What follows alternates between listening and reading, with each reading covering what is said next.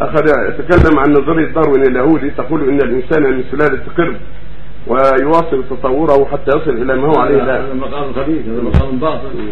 الله خلق الإنسان على حال الإنسان من حين خلق الله آدم هو انسان له سمع وبصر ونطق وعقل. من حين خلق الله بني آدم ومن ذريته. القرد أمة أخرى والقرود أمة أخرى قائمه وحدها. أيوه. القرود أمة والكلاب أمة والحمير أمة. والأسود أمة والذئاب أمة والنمور أمة كل هذه الامم خلقها الله جل وعلا. وليس. الإنسان اصله قرد هذا قول باطل. ومن قال هذه الشتات فإن تاب وإلا كفر.